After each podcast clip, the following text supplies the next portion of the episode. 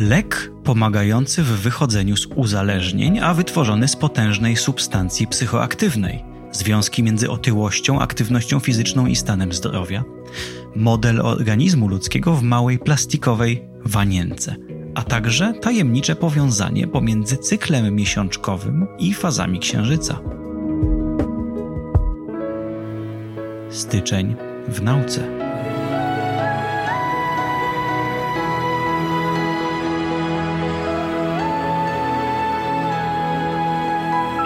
Podcast powszechny. Weź, słuchaj. Cześć i czołem, dobrzy ludzie, tu Łukasz Lamża i mam dla Was tradycyjny przegląd prasy naukowej. Celujemy w styczeń 2021 roku. Cóż mam tu dla Was przygotowane? No, zacznijmy od rzeczy zdawałoby się oczywistej, ale no, każda oczywista rzecz ma gdzieś swoje kolejne dna. Związki pomiędzy aktywnością fizyczną, y, otyłością i ryzykiem zachorowania na choroby układu krążenia. No, jakby zasadniczy fakt jest y, wiadomy i znany od y, lat, dekad, myślę, że od stuleci, a mianowicie otyłość zwiększa ryzyko zachorowania na wiele, wiele, wiele różnych chorób, skraca długość życia i tak dalej. To wiemy, natomiast jest taka, taka propozycja taka hipoteza. Można ją wyrazić mm, takim hasełkiem fat but fit. Autorzy artykułu nazywają to wręcz paradoksem. Fat but fit paradox, czyli y, no, gruby, ale zdrowy, można by tak powiedzieć.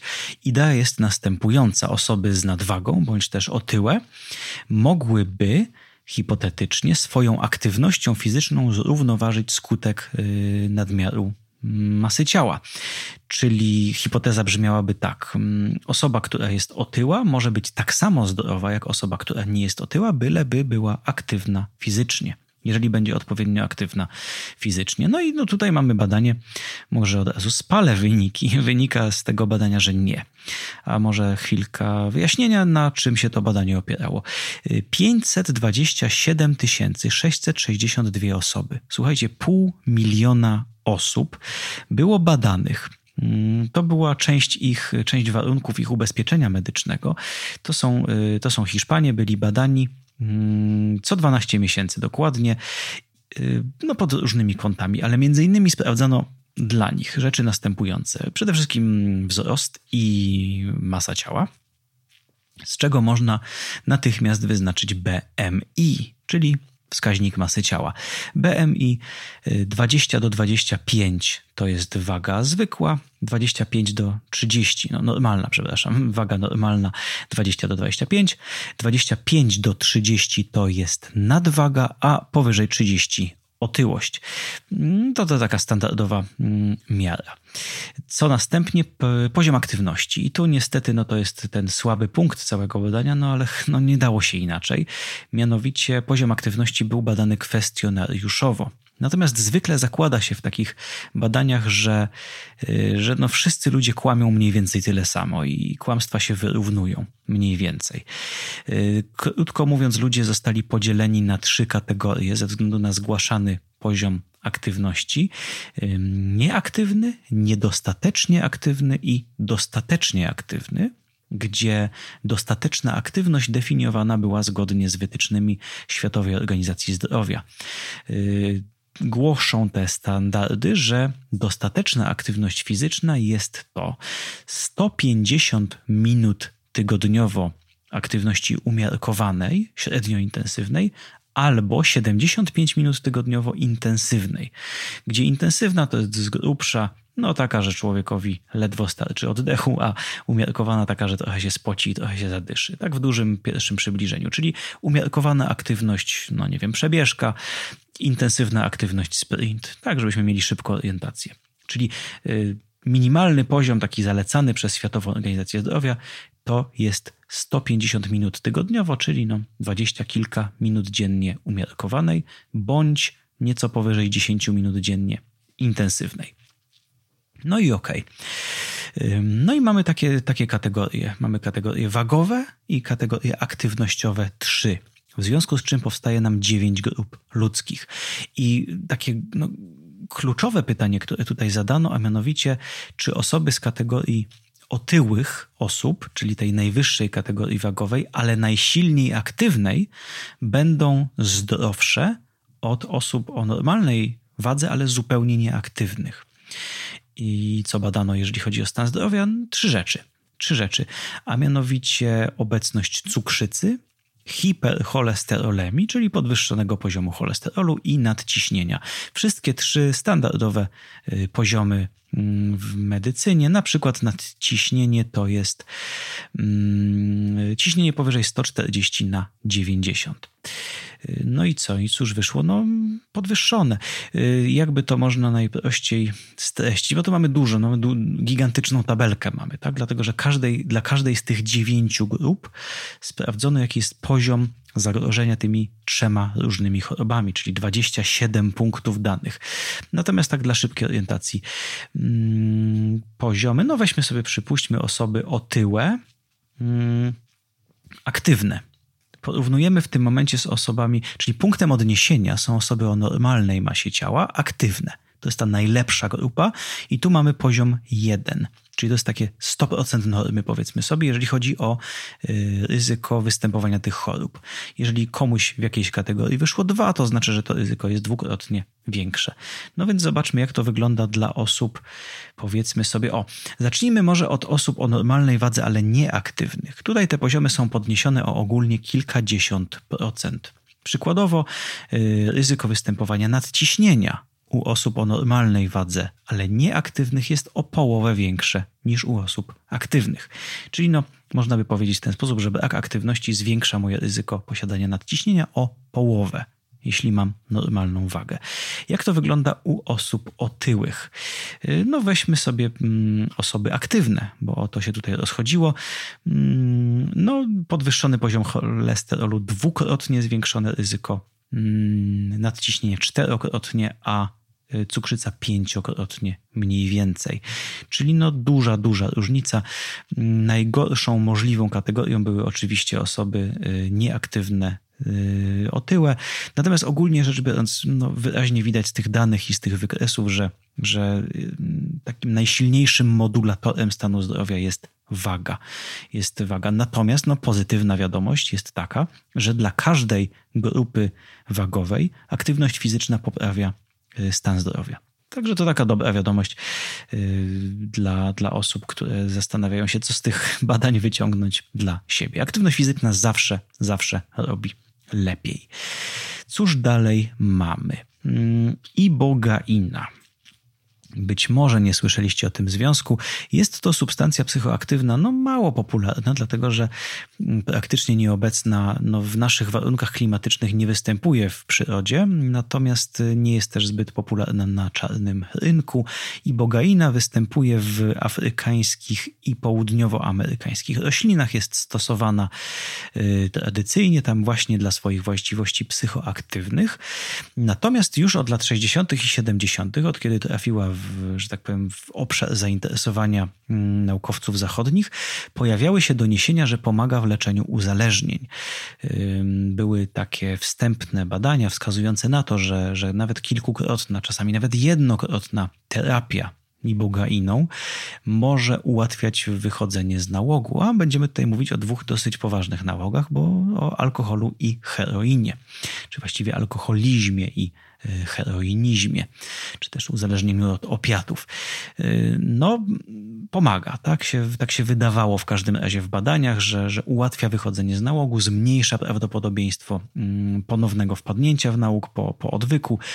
Natomiast no, były to takie badania, powiedzmy sobie, średniej jakości, no między innymi dlatego, że przez długie, długie dekady prowadzenie takich badań było de facto niemożliwe. No, mówimy bądź co bądź o substancji psychoaktywnej, a y, cały świat, podążając za świetlistym przykładem Stanów Zjednoczonych, ma kom kom kompletną, konkretną paranoję na punkcie tych substancji i no, niemożliwe było cywilizowane badanie nawet y, najzupełniej niegroźnych związków psychoaktywnych. No, powolutku się to odwraca, tak? Powolutku się to odwraca. Tu mamy badania y, prowadzone w Kalifornii. Udało się uzyskać zgodę i cóż jaka była logika y, autorów. No i bogaina wywołuje dosyć intensywne przeżycie, y, długotrwałe w dodatku osoby, które przez to przeszły, mówią, że niezbyt przyjemne, w związku z czym i no, no nie jest to zbyt fajne, żeby osoby, które chcemy wyciągnąć z nałogu, poddajemy tego typu trudnemu przeżyciu. Y, lekarze myślą takimi kategoriami optymalizacyjnymi, czyli świetnie by było, że cóż, jakoś wydestylować z tego związku to działanie anty anty, antyuzależnieniowe, a jednocześnie usuwając z niego to działanie y, tripogenne powiedzmy sobie. No i no słuchajcie, XXI wiek, witamy, da się takie rzeczy robić. Idea jest taka, że badamy mm, związki pochodne, czyli podobne chemicznie, ale na przykład różniące się jedną, drugą, trzecią grupą funkcyjną. Dodajemy atomy, odejmujemy atomy, syntetyzujemy to i badamy. I w ten sposób udało się wytworzyć związek, o ile ten pierwotny nazywa się ibogaina, to ten nowy nazwano tabernantalogiem. Takie dziwne słowo, ale y, nazwa łacińska y, rośliny, w której występuje ibogaina, takiej najpopularniejszej, to tabernante iboga. Stąd nazwa tabernantalog. No i cóż robi ten tabernantalog? No wydaje się, że, że spełnia nasze oczekiwania. E, czyli no cóż, przeprowadzono takie dosyć no, no, no ciężkie etycznie, ale no w medycynie dość standardowe e, badania z, na, na myszach na tak zwanym mysim modelu uzależnienia. W praktyce polega to na tym, że uzależniamy myszy od y, alkoholu bądź heroiny, potem jest okres odstawienia, a później znowu dajemy im y, szansę korzystania z narkotyku. No i bada się skuteczność różnych związków, tym y, po pierwsze, jak łatwo wytwarza się u nich uzależnienie, po drugie, jak łatwo, jak trudno Mm, później jest im z tego uzależnienia wyjść, jak uparcie, jak uporczywie próbują podawać sobie ponownie narkotyk, kiedy mają taką możliwość i tak dalej, i tak dalej. No i wygląda na to, że o ile ibogaina wydaje się, y, no jest skuteczna w przeciwdziałaniu i w łagodzeniu skutków uzależnienia, ale też wydaje się być u myszy psychoaktywna. Myszy są no, zaniepokojone, źle to przeżywają, wydają się śledzić oczami nieistniejące przedmioty itd. Tak itd. Tak Mamy taki prosty myśli model mm, przeżycia psychodelicznego. Natomiast y, tabernantalog wydaje się nie wywoływać y, tego skutku psychoaktywnego, a jest bardzo skuteczny w łagodzeniu mm, uzależnień. I to na każdym etapie, czyli y, myszy, którym podawano tabernantalog, nie uzależniały się tak łatwo, a następnie na etapie ponownego narażenia na narkotyk rzadziej po niego sięgały. To się mierzy po prostu tym, ile razy taka myszka próbuje sobie dźwignią podać narkotyk. To jest normalna liczba po prostu, ile razy. No i te wykresy rzeczywiście są imponujące. Natomiast y, jeszcze bardziej imponujące jest proponowane wyjaśnienie tego zjawiska. Mm, okazuje się, że mm, tabernantalog jest tak zwanym psychoplastogenem. Y, słowo psychoplastogen oznacza substancję mm, ułatwiającą pojawianie się nowych połączeń neuronalnych, czyli zwiększającą neuroplastyczność. Y, to się bada laboratoryjnie, nawet na, na takiej wypreparowanej tkance neuronalnej można sprawdzić, czy dany związek rzeczywiście y, zwiększa ilość pojawiających się nowych połączeń neuronalnych. Można to też badać na żywym mózgu, śledząc jakiś fragment jego. I tak się właśnie wydaje, czyli tabernantalog jest mm, psychoplastogenem. Krótko mówiąc, ułatwia hmm, modelowanie mózgu, można by tak powiedzieć, przemiany już na takim poziomie struktury mózgu, czyli pojawianie się nowych szlaków neuronalnych. E, autorzy piszą w taki dosyć, no, no tak, tak dosyć mocno to wyrażają, zacytujmy. E, tego typu substancje psychoplastogenne mogą wytworzyć trwały efekt terapeutyczny, ponieważ naprawiają e, zmiany patologiczne w obwodach mózgowych, a nie tylko maskują objawy y, zaburzenia. Y, tutaj nawiązanie jest do tych wszystkich związków, które działają no niejako jak, no powiedzmy, tabletka przeciwbólowa, która sprawia, że nie czuje się bólu, natomiast sama zmiana patologiczna wywołująca ból pozostaje. Jeżeli chodzi o y, substancje stosowane przy leczeniu uzależnień, to też są takie odpowiedniki tabletki przeciwbólowej, coś co mm, sprawia, że łatwiej się znosi na przykład y, odstawienie i rzadziej się sięga, ale nie, nie na sposób psychoplastogenny, tylko właśnie poprzez no, maskowanie pewnych nieprzyjemnych objawów. No także ciekawe.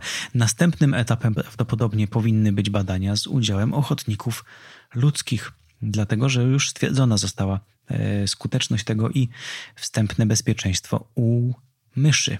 Trzymamy kciuki za badania nad substancjami psychoaktywnymi. E, cóż dalej? Mm, niejako w odpowiedzi na to, co mówiłem przed chwilą, następne doniesienie. Wspomniałem o tym, że, że badania z udziałem myszek są no nazwałem to tak dosyć łagodnie, są kłopotliwe etycznie, czy ciężkie etycznie chyba powiedziałem. No tak, jest dość silny ruch y, na świecie ludzi, którzy uważają, że nie powinniśmy jednak badać niczego na, z udziałem zwierząt. No i szuka się, y, szuka się metod ominięcia tego, mm, tego etapu. No nie zawsze jest to możliwe, nie zawsze jest to wykonalne. Pytanie, co wtedy? Czy rezygnować z prowadzenia pewnych badań, czy szukać coraz lepszych substytutów. I oto mamy tutaj no, taką dosyć ciekawą rzecz. Zastosowaną od razu w badaniu e, chorób neurodegeneratywnych, takich jak choćby Parkinson albo Alzheimer. E, mowa o no, takim sztucznym organizmie ludzkim, można by chyba powiedzieć. Jednym z takich terminów, o którego ja, ja bardzo lubię mówić o, o, o tym, i często tego terminu używam, jest słowo organoid. To jest taka no, nowinka technologiczna już od, od no więcej od kilku lat stosowana niemal rutynowo. Organoid to jest mini sztuczny organ, czyli taka no, hodowla tkankowa na sterydach można by powiedzieć, bo hodowla tkankowa to jest powiedzmy sobie jeden typ y, komórki, tak w minimalnej wersji, na przykład nie wiem, komórka nabłonkowa ludzka, jakaś komórka skóry albo neuron, no i hodujemy to, tak? Hodujemy to in vitro. Natomiast organoid to jest coś takiego samego, tylko uporządkowane przestrzennie, tak że mm, po pierwsze występuje tam kilka rodzajów komórek, po drugie ma to pewne cechy docelowego organu. Wytwarza się je z komórek macierzystych, z takich komórek, które jeszcze nie zdecydowały o swoim losie, więc tworzymy taką hodowlę, mamy komórki macierzyste i informujemy je chemicznie, że hmm, słuchaj, a może byś tak został mózgiem, a może byś tak został wątrobą. I tego typu struktury całkiem spontanicznie zaczynają się organizować przestrzennie i, i różnicować, także powstają takie mini wersje organów. Dzisiaj już standardowo bada się organoidy płucne. Jakiś czas temu były, było fajne badanie nad y, COVID-em, wykonane właśnie na organoidach płucnych, dlatego że one są już na tyle podobne do płuc, mimo że są to kilku milimetrowej wielkości y, obiekty, że można na nich badać mm, ludzkie choroby. Y, w tym przypadku wytworzono kilka organoidów. Organoid jelitowy, wątrobowy i mózgowy, przy czym zanurzono je w takich połączonych ze sobą plastikowych wanienkach, tak że wymieniały się one Mm, metabolitami, związkami chemicznymi i komórkami układu odpornościowego, które też w to wszystko wpuszczono. W związku z czym no, powstał taki, no wygląda to na pierwszy rzut oka wygląda jak mała plastikowa tacka z, z, kilkoma zagłębieniami, natomiast kiedy się wie, co to jest, no, no interesujący widok. No to jest taki mini organizm ludzki, składający się póki co z mini muszczka, y, mini wątroby i mini jelitka wraz z układem krążenia takim prostym. I co? No i wyszło, i w pewnym sensie wyszło, czyli pojawiły się takie różne sygnały chemiczne świadczące o tym, że do pewnego stopnia zachowuje się to jak, yy, jak rzeczywisty, hmm, nie wiem czy organizm ludzki, ale jak przynajmniej jego część. Między innymi udało się wytworzyć taką, taki modelowy przykład zjawisk chemicznych w mózgu towarzyszących Y, chorobie Parkinsona, czyli udało się odtworzyć to, mm, to, co wiemy, że dzieje się w mózgu, kiedy się pojawiają pierwsze y, ślady choroby Parkinsona.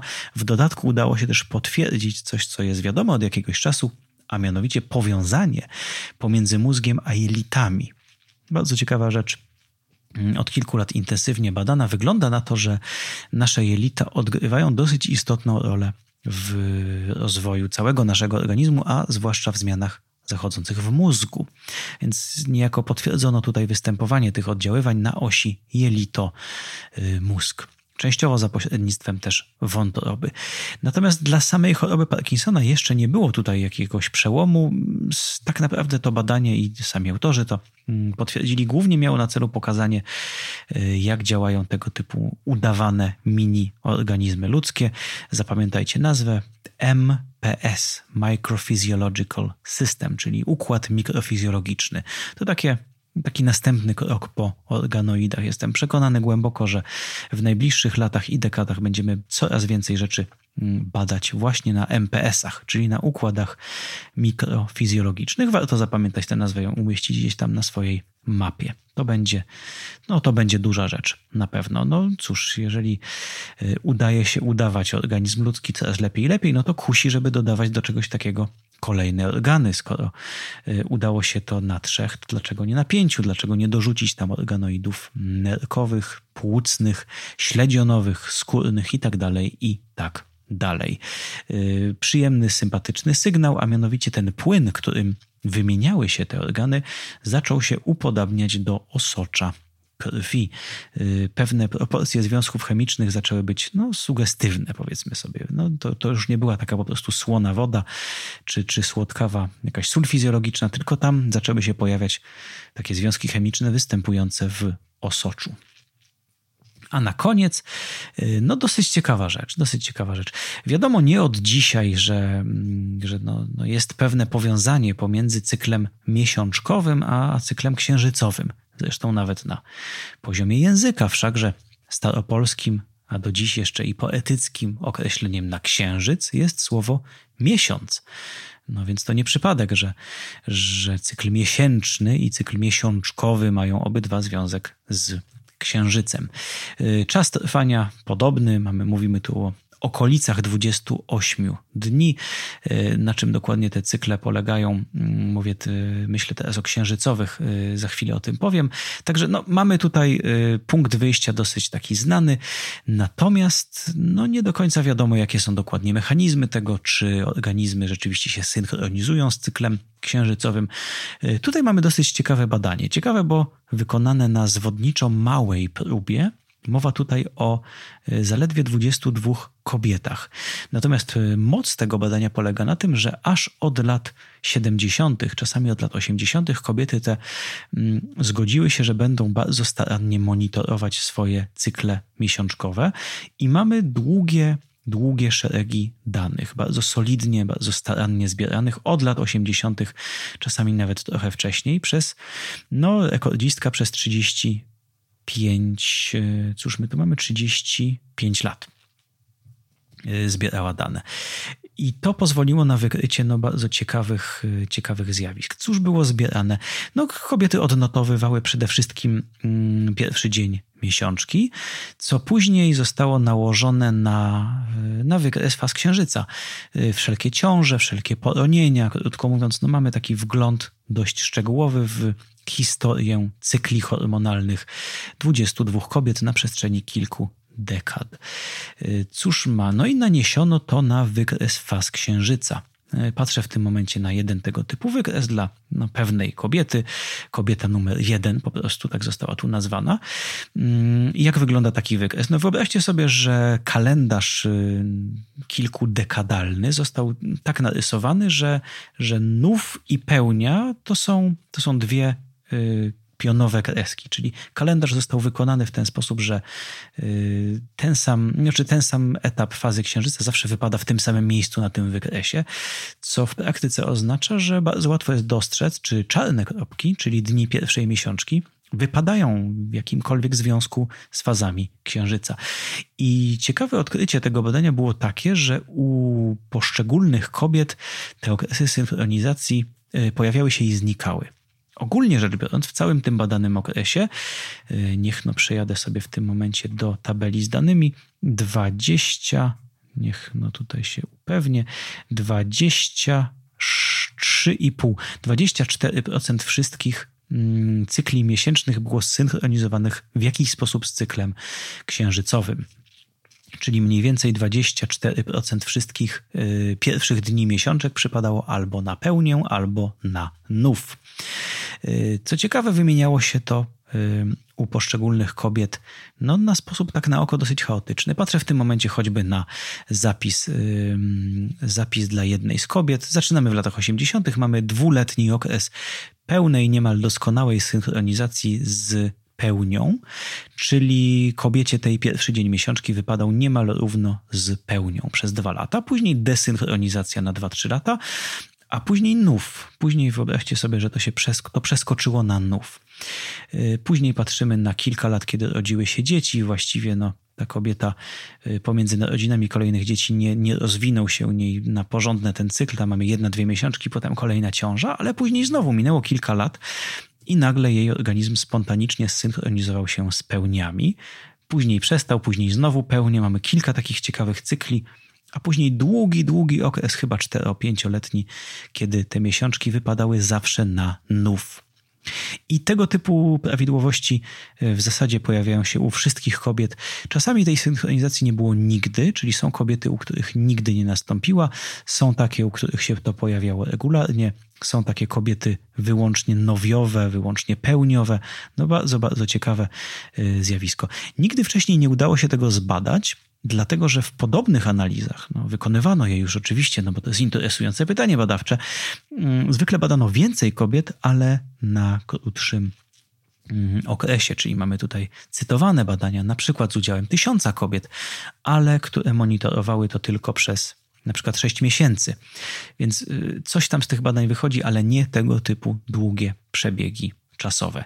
No i teraz na koniec największa, najbardziej zaskakująca ciekawostka związana z tym, że tak naprawdę mamy do czynienia z kilkoma różnymi y, cyklicznościami, jeżeli chodzi o układ Ziemia-Księżyc. Więc zamieniamy się teraz chwilę w astronomów i zamykamy oczy i próbujemy to sobie wyobrazić. Zacznijmy od tego, że mm, kiedy wyobrazimy sobie mm, Księżyc orbitujący wokół Ziemi, to no w pierwszym przybliżeniu może się wydawać, że, że obrót Księżyca wokół Ziemi i cykl pełnia nów, pełnia nów to jest jedno i to samo. Ale w rzeczywistości jest tutaj pewna subtelność. Zacznijmy od czegoś takiego, że patrzymy na Ziemię w takim układzie, w którym jest ona nieruchoma. Czyli wyobrażamy sobie nieruchomą Ziemię i kręcący się wokół niej księżyc.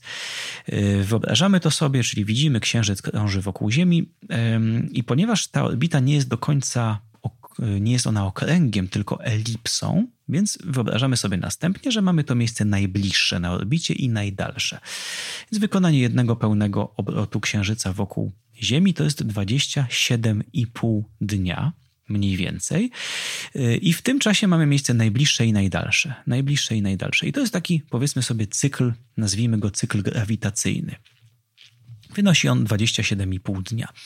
No mogłoby się wydawać, że, że jest to ten sam cykl, co pełnia nów, pełnia nów. No w końcu mamy mm, z jednej strony księżyc, z drugiej strony księżyc, oświetlony, nieoświetlony. No otóż nie, dlatego że w międzyczasie Ziemia zdążyła się przemieścić na swojej własnej orbicie wokół Słońca. Jeżeli więc nałożymy jedno na drugie, to okaże się, że w tym czasie, w którym Księżyc wykonał jeden pełen obrót orbitalny, Ziemia zdążyła się nieco przemieścić i niejako ten Księżyc, żeby dojechać do tego samego miejsca na orbicie, musi, musi przelecieć kawałeczek dalej. No, najłatwiej jest to oczywiście narysować, ale no, ponieważ jesteśmy w terytorium podcastowym, musimy to sobie jakoś wyobrazić. Wyobraźmy to sobie też jakby w ten sposób, że Słońce, yy, Słońce stoi nieruchomo, ale Ziemia się wokół niego przemieszcza, w związku z tym ten Księżyc goniący jednocześnie Ziemię, on musi za każdym razem dolecieć kawałeczek dalej, żeby dolecieć do miejsca, choćby w którym wypada pełnia. E, jeżeli mi nie wierzycie, narysujcie to sobie na kartce albo poszukajcie tego. Natomiast wierzcie lub nie, ale pełnia wypada co 29,5 dnia, czyli o dwa dni więcej niż wynosił opisany przed chwilą przeze mnie cykl, no powiedzmy grawitacyjny. E, jakie są tego skutki praktyczne? No, mamy do czynienia z dwoma różnymi cyklami. Mm, cykl, no, powiedzmy sobie, świetlny, czyli jasno w nocy, ciemno w nocy, tak, pełnia nów, y, i cykl grawitacyjny, księżyc bliżej, księżyc dalej. Jeden z nich ma 27,5 dnia, to jest ten cykl grawitacyjny, a drugi 29,5 dnia, to jest ten cykl świetlny. No i posiadanie tego typu długich zapisów pozwala na oddzielenie jednego od drugiego. I słuchajcie, wyobraźcie sobie, że chociaż dużo powszechniejsze wydaje się być synchronizowanie się cykli miesiączkowych z tym cyklem świetlnym, czyli pełnianów, pełnianów, to u pewnej grupy kobiet tutaj mam, no wyobraźcie sobie, 13%. U 13% kobiet wykryto taką, wydaje się, synchronizację z tym cyklem grawitacyjnym. Czyli ta odległość pomiędzy y, poszczególnymi miesiączkami wynosiła no, tutaj patrzę na, na wykres, ale z grubsza no właśnie 27 dni z hakiem i wydało się to być ustalone z tymi mm, momentami księżyc najbliżej, księżyc najdalej. Czyli te pierwsze dni miesiączki przypadały na, no technicznie to będzie apogeum i perigeum, miejsce najbliższe, miejsce najdalsze na orbicie. No i to już jest, powiedziałbym, bardziej interesujące, bo jest względnie jasne, y, jak miałoby dochodzić i dlaczego miałoby dochodzić do synchronizowania się ludzkich cykli, czy to cykl snu, czy aktywności, czy jakikolwiek inny z poziomem światła. Wiemy, że takie cykle są i one występują w świecie zwierząt, w świecie y, biologii powszechnie. Mm, jest zresztą no, prościutkie wyjaśnienie tego, tak? No, kiedy jest jasno nocą na przykład, to y, możemy być aktywni dlatego że widać, co się dzieje. Tak? Są, są takie cykle y, aktywności związane z polowaniami, choćby występujące o ludzi żyjących jeszcze w środowiskach y, poza, poza miastem. Natomiast, no, no, no, tak jak mówię, jest, jest tego dużo, jest to znane, jest to wiadome, wiemy też, jakie jest tego podłoże neuronalne. Światło oddziałuje na nasze cykle dobowe i, i, i, dłuższe. To wiemy. Natomiast grawitacja, no, jest to nieco trudniejsze do wyjaśnienia. Zauważmy natomiast, że to właśnie y, grawitacyjny wpływ Księżyca odpowiada za pływy. W związku z czym narzuca się taki, y, pozwólcie mi powiedzieć, na chłopski rozum, taki model, w którym te pływy wpływają na kobiety, na, na ruch płynów w organizmie kobiety, trzeba by chyba powiedzieć. Natomiast no, to jest oczywiście jakieś tam pierwsze takie właśnie potoczne wyobrażenie. Naukowcy y, tutaj są zwykle ostrożni, zanim wysuną tego typu przypuszczenie. Natomiast no, to trzeba by to troszeczkę lepiej wyjaśnić niż tak właśnie na chłopski rozum, że to księżyc te płyny podnosi i opuszcza, powiedzmy. Y, takiego modelu nie ma jeszcze. To jest dopiero świeżo wykryty fakt. Więc jestem przekonany, że mm, naukowcy zajmujący się już ściśle oddziaływaniem mm, no, faz księżyca, czy też w ogóle zjawisk astronomicznych na y, ludzkie cykle hormonalne, będą teraz mieli no, sporo do wymyślenia. Jak w zasadzie mogłoby się to y, dokonywać, tego typu oddziaływanie? No, no nowa rzecz, nowa rzecz, prawda, interesująca. Y, nie wyszło to w każdym razie w żadnym z wcześniejszych badań tego typu. No i tyle. I to tyle, jeżeli chodzi o nasz przegląd styczniowych y, nowinek naukowych. Wierzcie, y, wierzcie mi, ciężko, ciężko jest dokonywać tej selekcji. Dzieje się tyle fajnych, tyle ciekawych rzeczy, że aż już nie mogę się doczekać, aż mm, spotkamy się za miesiąc, dlatego że jestem przekonany, że w lutym usłyszymy takie rzeczy, które się nie śniły filozofom. Dzięki, że byliście ze mną i do usłyszenia. Pa, pa. Jeśli słuchają nas Państwo w Spotify albo w Apple Podcast, zasubskrybujcie nasz kanał. Jesteśmy też w Google Podcast i w aplikacji Lekton oraz na www.tygodnikpowszechny.pl/podcast.